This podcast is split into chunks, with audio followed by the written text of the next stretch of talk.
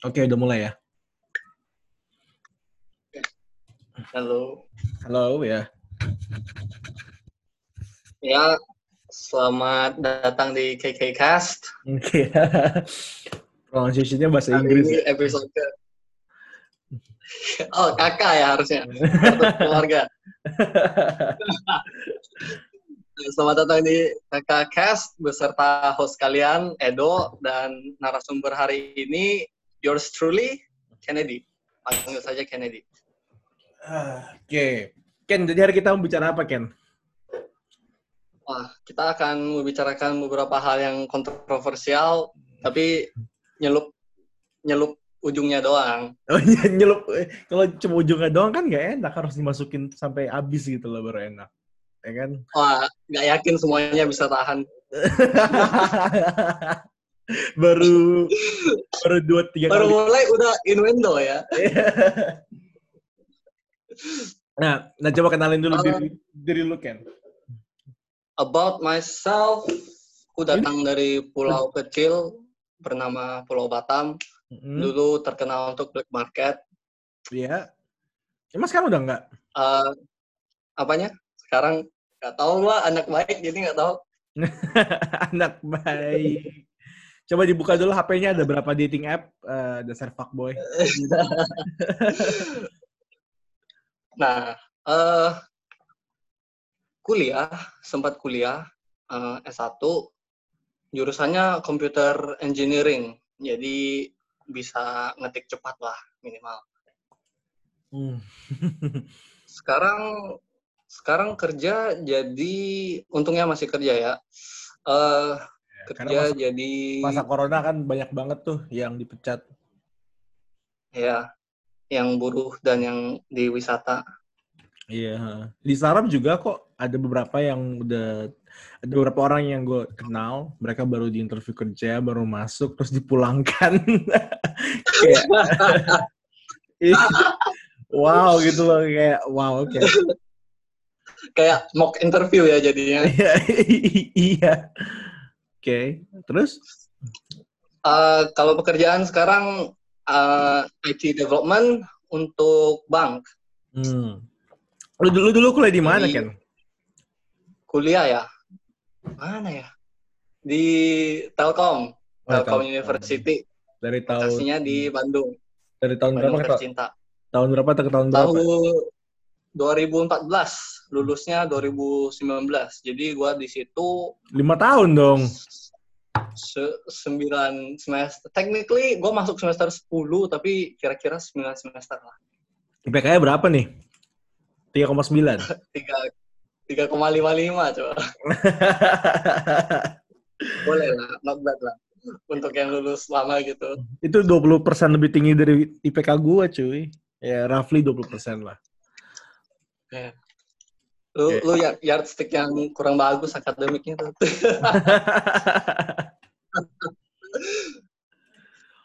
lu, lu, nah, kita gue penasaran, kenapa lu bisa lulus kuliah 5 tahun, Ken? I mean, like, IPK lu tinggi loh, 3,5 tuh ya menarik lah di mata Oh, dunia kerja dan segala macem.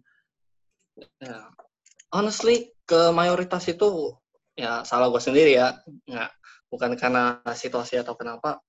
Pertama itu gue sebenarnya kuliah itu ngebut man, ngambil kelas atas mulu Hmm. dan gue bisa lulus tiga setengah tahun. Hmm. Poten- potensialnya ada, Ke- kesempatannya ada. Tapi gue uh, chicken out, kayak gue rasa tiga setengah tahun gue kuliah, gue nggak dapat apa-apa men dari situ. Gue belum siap ke, ke dunia luar gitu loh. Jadi gue gua sengaja lamain. Ya udah, gue lulus normal aja 4 tahun, 8 semester. Semester ke-8 gue ngambil skripsi di di kampus dan jurusan gue kebetulan skripsinya harus berkelompok. Gue berkelompok tiga orang. Hmm. Ngerjainnya robotics. Honestly itu bukan strong point gue, tapi gue kontribusinya kebanyakan sih uh, programmingnya aja. Hmm. Kalau rangkaiannya segala macam, gue nggak terlalu ngurus. Uh, ngerja bertiga dan how do I say this? Uh, gua lalai, sangat lalai. Hmm. Lalai gimana maksudnya? Ya, uh, se ya, semua orang pasti ada magernya lalai. Bahkan grup uh, teammate gue juga ada lalai, tapi gue lebih parah gitu loh. Bukan, bukan ngebanggain ya, maksudnya. Hmm. Uh, awalnya itu awalnya emang lost banget ngerjainnya gimana. Nanya lah ke dosen dan emang membantu, membantu konsultasi dengan dosen itu. Sadly, bagian bagian teknikalnya banget menggunakan komponen tertentu, gua kesusahan. Itu kalau in hindsight itu masalahnya receh banget sih. Gua cari-cari kurang kurang ngerti juga, gua nanya temen gua, mereka eh, lagi sibuk ngerjain bagian mereka sendiri. Nah, sebenarnya bisa gua gua tackle terus tapi gua sendiri kayak ah fuck this gitu. Ini ini family friendly atau enggak? Podcastnya. Buat bahasa kotor mah agak telat sih alright untuk pemikirnya kayak fuck this gitu. Gua kayak mindset gue itu kayak aduh ini teman-teman gue harusnya bisa gue serahkan ke mereka. Jadi kayak kayak nunggu gitu loh kayak bikin alasan buat sendiri untuk nggak ngerjain gitu. Hmm, hmm. Terus gue juga habisin banyak waktu dengan yang saat itu pacar gue hmm. nggak nyalain dia ya. Gue yang gue yang nggak ngusir yo iyo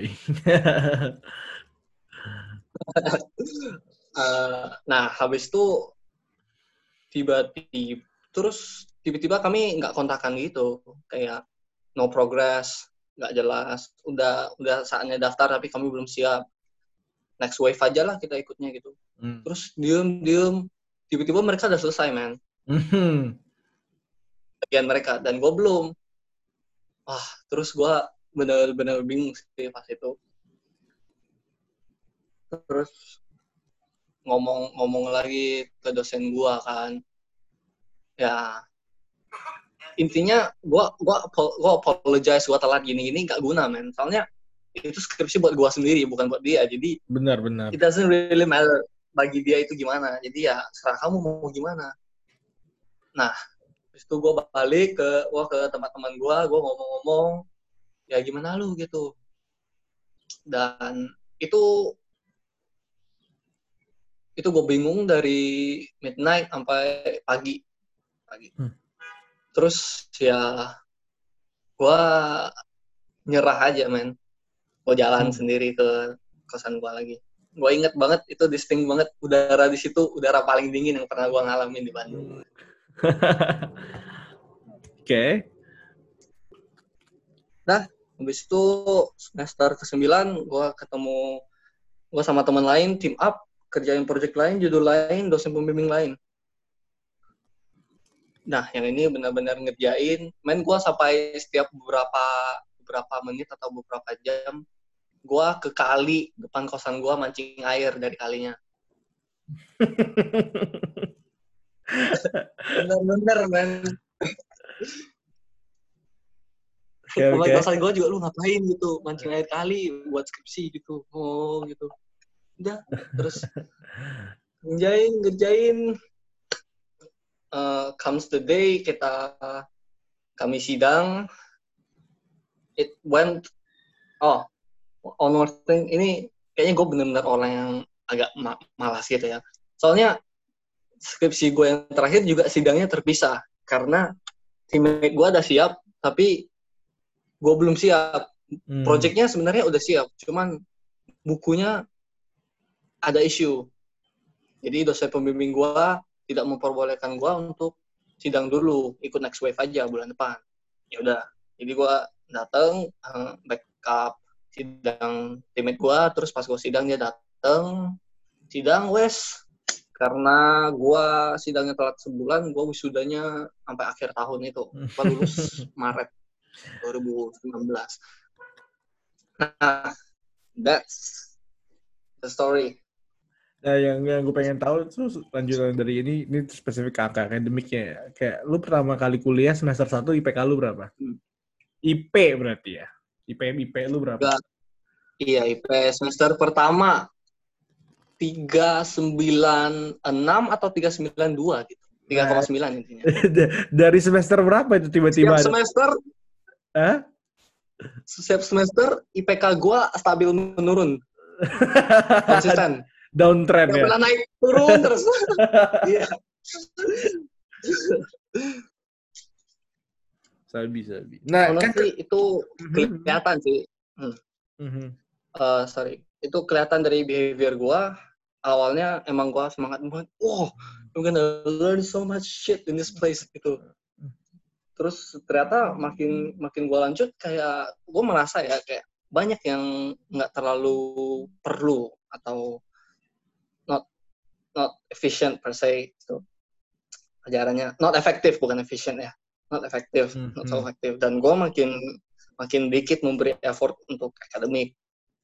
Gue lebih lebih lebih lebih appreciate itu gue punya bonds bond dengan orang friendship dan Hmm. segala macam gitu lanjut Terus terus em, tadi kan lu juga bilang kan yang poin pentingnya bagi yang gue tangkep ya, yang lu eh, belum siap menerima dunia setelah kuliah kan?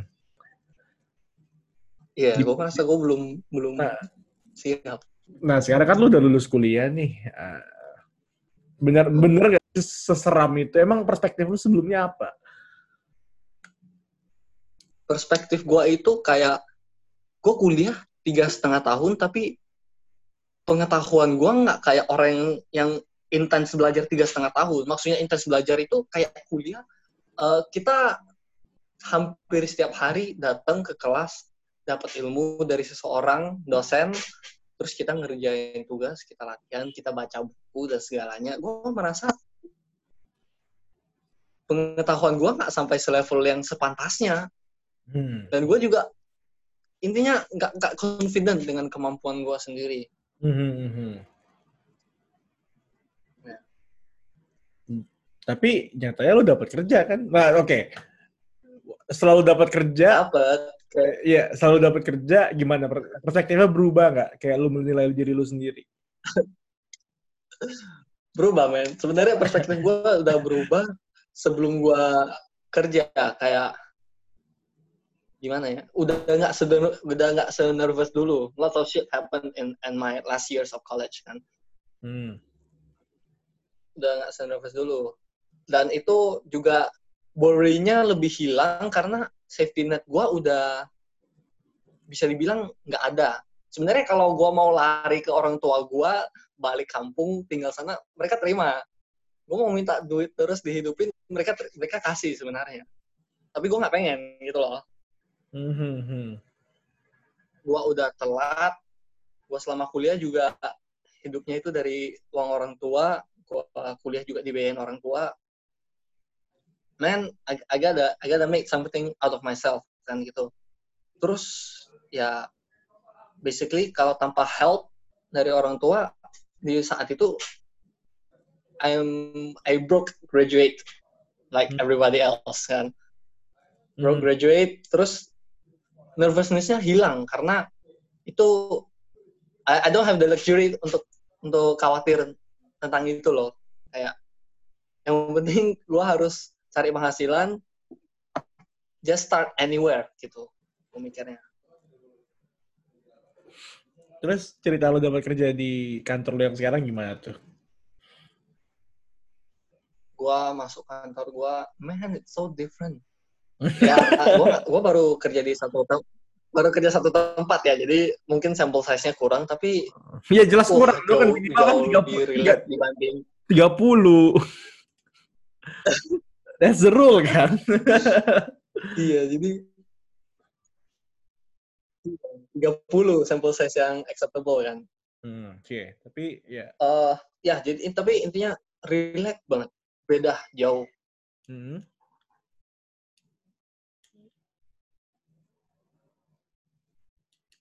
Su- suara lu hilang, suara lu hilang. So Oh ya.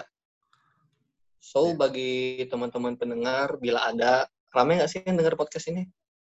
Biasa rata-rata 20 orang sih. Nggak tahu deh siapa yang denger. Gue juga nggak tahu data-datanya. Jadi bagi teman-teman, uh, just don't worry. Kebanyakan yang kita belajar dari kuliah itu kurikulumnya tidak tidak transfer dengan baik ke dunia kerja. Most likely lu akan belajar lagi di dunia kerja. Most likely selama lu hidup lu akan belajar terus. Maksudnya kayak apa ya kayak lu menggunakan bahasa yang normal gitu. Sebenarnya eh bahasa yang sangat sopan ya. Padahal kalau kita ngomongin secara kasar, kuliah lu itu ya nggak penting ya. iya kan gini gini ya uh, dari institusi akademik udah menggeser lebih untuk uh, financial gain daripada education dari lu. Mm-hmm, lebih penting duit lu masuk account dia daripada dia memberikan lu education. Mm-hmm. tanya aja orang yang lulus kebanyakan they will say they will tell you that. Emang emang. Kayak ujung juga pribadi waktu lulus kuliah masuk dunia kerja ya belajar ulang semuanya dari awal and your voice gone. Ngapain kita kuliah ya? Nah. Thanks man yang udah ngebagi buat buat pekerjaannya. Kayak itu itu biasanya yang gue tanyain sih kalau sama guest-guest baru. Karena uh, iya. karena topik itu menarik yang yang mengenai kuliah dan mengenai dunia kerja kan, terutama orang-orang fresh grad yang kayak kita lulus langsung masuk kuliah gitu. Eh lulus langsung masuk lulus, lulus iya, langsung kerja anjir. Iya. kebetulan dapat ya. Iya. Nah, uh, uh, uh, kalau kalau uh, sorry nih ujung-ujungnya episode satu jadi gue yang take over tapi nggak apa-apa ya. Sorry ya, sorry ya. no problem, no problem. Nah, dua ntar lu yang yang kontrol. Nah, gue pengen tahu um, waktu interview gimana perasaannya, apa yang lu lakuin, CV lu gimana, lu lempar ke berapa perusahaan buat ngedapetin pekerjaan lu yang sekarang? Uh, aduh, ini ini bisa dibilang gue gua lucky shot ya gitu ya dapatnya. Hmm. Gue lempar sekitar selusin kali ya CV hmm. selusin tapi kebetulan yang gue lempar pertama itu yang panggil gue duluan oh man that's that's that's that's yeah. lucky lucky shot banget cuy iya lucky shot jadi intinya yang gue tembak pertama itu yang kena gitu mm-hmm. so I just take it itu proses prosesnya gimana? Lu lu, lu taruh lu apply dari mana? Dari LinkedIn, dari Job Street misalnya atau dari email langsung? Oh, jadi sebenarnya gue ada teman kuliah yang udah lulus duluan. Dia udah kerja duluan di sana dan kebetulan dia apa bagian IT development butuh tenaga kerja. Jadi hmm dia nge-share lah di grup kelas. Jadi kalian kalau lulus jangan tinggal-tinggalin grup kelas ya atau grup angkatan. Itu bisa aja ada info berguna. Uh, dia nge-share terus gua tanya dia, terus dia kasih kasih kasih kontak kontak manajernya email. Mm-hmm. Kirim aja CV-nya ke sana gitu. Terus gua kirim lah. Itu nggak lama dipanggil gitu. Hmm. Jadi channelnya from a friend. Oh, referral berarti ya. Iya. Oke, okay. terus lu kirim CV, dipanggil buat wawancara. Nah, waktu wawancara itu kan lu kan programmer kan jatuhnya kan. Apa-apa tesnya? Apa yang Iya. Ada interview ngomong nggak sih atau cuma langsung tes kayak bahasa programming atau gimana? Ada. Jadi Oke, okay, ini karena gua gua gak sebut nama perusahaan, gua gua gua kasih detail aja ya. Hmm. Hmm. hmm. Um, pertama itu tes online, online tes, hmm. basic hmm. basic programming logic sama itu ya basic knowledge lah itu basic banget gitu lah. Intinya hmm. lu kalau orang IT secupu apa pun tuh bakal bisa gitu. I think. Hmm. Nah, terus lanjut dipanggil untuk psikotest. Psikotest. Hmm. Di saat itu juga langsung lanjut ke interview dengan HR. Hmm. Mereka yang determine apakah uh, behavior dan respons kita itu wajar atau tidak wajar gitu. Hmm. habis itu interview dengan calon manajer Hmm? interview dengan calon manajer ketemu in person ngobrol-ngobrol habis itu medical check up dan bila lulus datang untuk diskusi kontrak gitu Oke, lo waktu bagian diskusi kontrak itu kan termasuk diskusi gaji kan?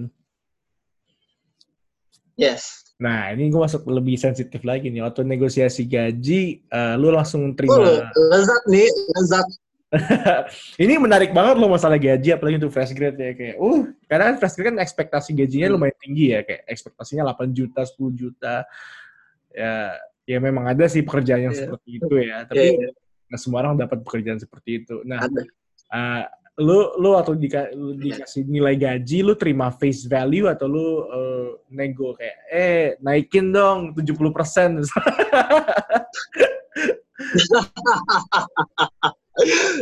Aduh. sebenarnya eh, jadi gua gua nggak negotiate gua terima aja face value karena itu eh, gimana ya expectation gua udah udah apa udah tuned karena gua udah tanya temen gua gaji lu berapa ternyata yang dia bilang eh, lebih rendah dari gaji sebenarnya dia bohong ke gua kan Dia bilang berapa tuh? Kan kalau kan lebih rendah. berapa oh dia- dia bilang 6 jutaan 6 juta. rupiah per bulan. Nah, ternyata ternyata lebih tinggi. Nah, terus pas pas awalnya gua tembak ke HRD, gua kasih sedikit lebih tinggi kan. Kan biasa orang ya gimana ya? Lu buka harga itu lebih tinggi lah, markup aja dulu gitu. Iya benar, lu minta dulu misalnya misalnya gini ya, target lu gue pengen digaji 8 juta, berarti lu minta 10 juta. Dengan asumsi ditolak 20% masih dapat. Iya. Kelihatannya kelihatannya 8 juta lebih bagus dari 10 juta gitu. iya, iya. bagi mereka bagi mereka nah eh ya tapi ternyata eh karena company gua divisi IT-nya ada ada tunjangan sih bahasanya. Tunjangannya dikasih cash money untuk divisi IT ini hitungannya lebih banyak. So Yang- gua terima. Gua nggak negotiate. Nah, kalau kalau kalau boleh tahu berapa persen di atas ekspektasi tuh kenaikannya? Harga harga gaji nyatanya ya. oh eh gua kasih angka aja lah ya Ya udahlah kalau berani angka-angka, kalau lu kasih angka gue kasih angka juga deh ya. ayo ayo nih nih eh, sebelum sebelum kewajiban BPJS dan sebelum pajak itu 8,2 Hmm. Setelah kewajiban-kewajiban itu, jadi take home pay berapa? Take home pay ke setelah tangan. kewajiban ke tangan gue itu sekitar 7,8 Hmm, tiga, jadi sekitar 400 ribu ya buat kebutuhan itu ya. BPJS, pajak, segala macem. iya. Belum lagi ntar kita kena tapera pajak yang men aduh. tabungan eh, iya tabungan tapera cuy. Yang pakai siapa sih? Eh gue tadi gue tadi pengen ngomongnya tabungan peras rakyat ya.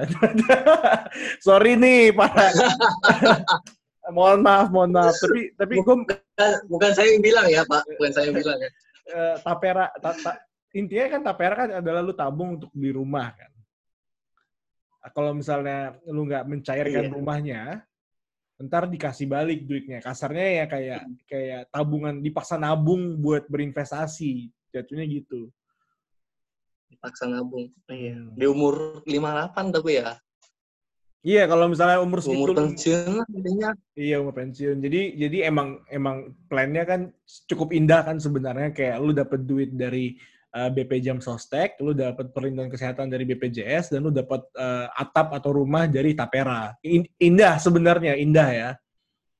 Cuma kalau kita ngeliat dari in teori ya in teori ya in teori, kalau- tapi dari- dari pengelola, pengelolaan dana uh, di Jiwasraya itu udah bikin cukup cukup was-was ya.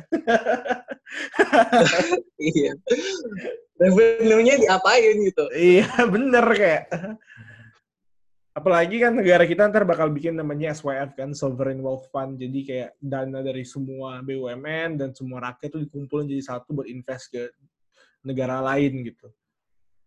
Nah, waduh. oh kayak kayak negara apa ya kayak Oh, Sweden. negara apa lupa gue Sweden kayak gitu. Sweden. oh iya Sweden Amerika juga ada sovereign Mur wealth. banget, cowok. Iya, ada juga apa namanya eh eh, eh, eh, Arab Saudi, UAE itu punya punya wealth fund juga, sovereign wealth fund. Hmm, Kalau ber, kalau berhasil ya UAE. kalau berhasil ya kayak kayak negara-negara Eropa kayak Sweden kalau salah gue kalau dirata-ratain dari dana yang dikelola dipecah nih ya dileburin apa di, di- di- dibagi lagi ke rakyatnya per orang tuh dapat Hmm. 5 jutaan dolar ya kalau salah gue Wow, bagus banget pengelolaan dananya that's kalau- pretty nice. ya kan Subur subur banget, cuy. nah kalau di kalau gagal pengelolaannya ya kayak kayak negara Malaysia negara Malaysia kan pernah bikin kan 1MDB tuh Eh, Hmm. itu sovereign wealth fund juga dengan harapan mereka bisa berinvestasi di perusahaan-perusahaan yang lebih gede atau proyek-proyek negara asing kan. Cuma dana tersebut Ya. tidak dikelola dengan benar akhirnya seluruh menambah utang negara. dan dan Oh, ironis man. dan yang ironisnya adalah eh, dana yang yang 1MDB itu dana dana negara untuk rakyat yang di negara Malaysia itu digunakan untuk membiayai film Wolf of Wall Street. Film yang menjelaskan tentang kehidupan tentang kehidupan penipu dan scammer eh, broker scam dari Amerika. Dia- jadi kayak dia nges kayak ironis banget tuh sih kalau dipikir-pikir. Iya, cok. Itu kayak Wah itu mantap sih itu. Nah anyway balik ke gaji ya. Lu dapat 7,8 cash. Itu sampai sekarang atau udah mengalami kenaikan? Kan harusnya lu udah kerja selama setahun ya kira-kira ya. Eh gue ada setahun tapi nggak ada mengalami kenaikan. Sebenarnya eh sebenarnya gue gua udah sedikit lewat masa kontrak gue tapi belum ada notice dan prasangka gue karena sedang masa karantina. Benar-benar. Nah eh, oke. Si siapa namanya? Si Kennedy udah bilang nih mengenai gajinya dia. Nah kalau gua sekarang untuk, untuk fair, gua Hmm.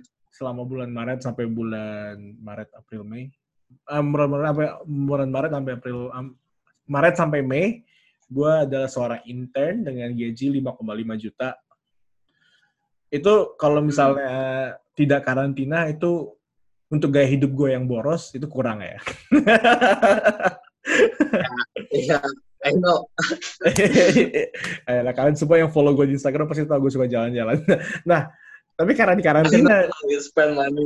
Iya, men. Kalau tapi kalau di kalau di karantina karena nggak bisa ngapa-ngapain, kayak gue punya uang satu juta di rekening pun nggak bisa habis gitu loh. Karena gue bisa makan warteg, gue bisa beli masak gak sih?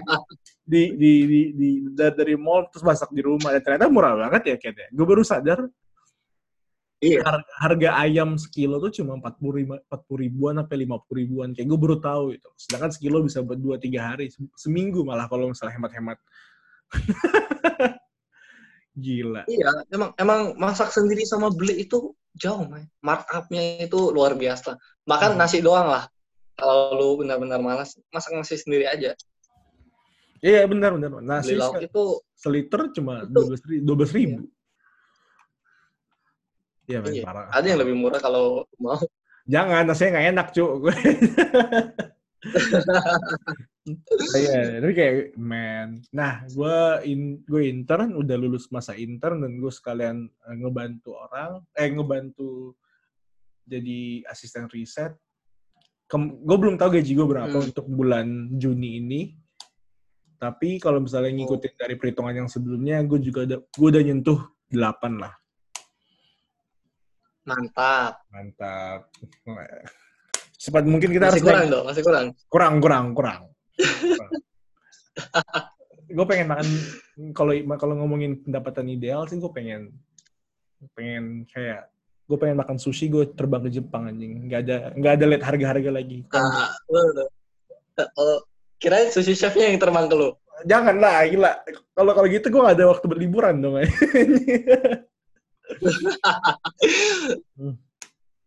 Iya, yeah, kayak gue masih mencari angka ideal tuh 30-40 juta dan gue pengen cepet-cepet sih. 34 ya. 30 sampai 40 juta ya. Nah, ngomongin gaji nih buka-bukaan. Ini kalau misalnya kalian dengar sabi juga sih.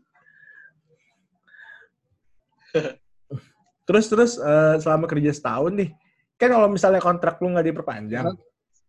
Katakan ya kontrak lu nggak diperpanjang hmm. ya, lu udah langkah berikutnya ke mana? Udah ada tawaran dari tempat kerja lain atau? Ah, ah shit man. Sebenarnya uh, gua gua sempat interested untuk ke consulting, dunia consulting. Ya, emang itu paling tapi, mantap, tapi, bos. Nah? Iya sih, kayak masa simple loh kayak maksudnya bukan simple ya maksudnya premisnya itu lu jadi problem solver gitu. Yeah, emang emang. Anytime. Nah, nah gue suka itu tapi tapi ini gue atribute kepada lagi-lagi kemalasan gue dan gue juga merasa gimana lagi ya gue khawatir lagi kayak dulu kayak will I be good enough gitu loh. Hmm. Soalnya uh, yang gue tahu itu barrier of entry-nya nggak rendah, men. Itu salah satu yang uh, gimana ya? Itu salah satu industri yang top lah, bisa dibilang. Hmm.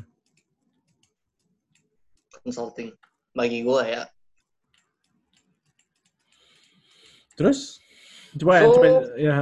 So, uh, jadi gua nggak nyoba ke mana-mana gua cuman cuman nunggu kabar dari perusahaan gua sekarang in hmm. hindsight hmm. itu agak agak malas dan tidak bijaksana tapi itu yang gua lakukan sekarang hmm. tapi lu udah udah udah udah ada offer buat pindah ke, dari perusahaan lain nggak sayangnya belum ada I see, I see. Katakan katakan nggak diperpanjang nih. Uh, katakan aja nggak diperpanjang ya. Lu ya. bak bakal bertahan berapa lama di Jakarta untuk mencari kerja dengan segala macam uh, expenses bullshitnya itu? Oh, reserve ya. Uh, ini assume kalau gue bisa cukup disiplin untuk nggak habisin uang untuk entertainment ya. Mm -hmm. Jadi untuk essentials doang. Hmm. Dan kalau gue nggak pindah kosan ya ke yang lebih murah, gue bisa tahan let's say mungkin bisa 8 atau 9 bulan atau lebih. Berarti lu cuma ngabisin karena gue nah, nah. iya da, karena gue juga punya piutang. Oh. Tabungan punya piutang, jadi uh, lumayan lama lah tapi yang yang jelas gue gue yakin setengah tahun gue gue masih bisa stay di Jakarta berarti kira-kira uh, sebulan tuh ngabisin 3 juta berarti ya kasarnya gitu iya benar iya I see, I see. That's good. That that's good. Apa financial standing sih? Karena bisa ngejaga diri sampai enam bulan di masa-masa yang yeah. susah seperti ini itu berharga banget berasa banget man kayak oh you're panicking yeah. you're panicking that's cute gitu iya yeah. no one can help you bro ya, gitu. gitu sorry bro gitu berarti nah berarti ya, kita bisa tapi uh, ini huh? enggak lanjut silakan silakan enggak aja berarti satu dari reserve pembicaraan kita untuk episode ke depannya adalah money management yang lu lakuin, Ken. Oke, itu boleh. Itu itu topik gua banget ngomongin duit. Oh, sabi. Langsung ketik-ketik gitu ya kayak. Uh, cuan-cuan. Oke. Okay. Ini udah tinggal bentar lagi udah tinggal udah tinggal lima menit. Coba lu closing deh dari semua dari pengalaman lu yang kuliah, merantau, bekerja selama setahun. Coba lu closing dulu closing ya. Uh, ini agak anekdotal, uh, anekdotal aja ya lessonnya, message-nya. Intinya, hmm. terutama bagi cowok, go out.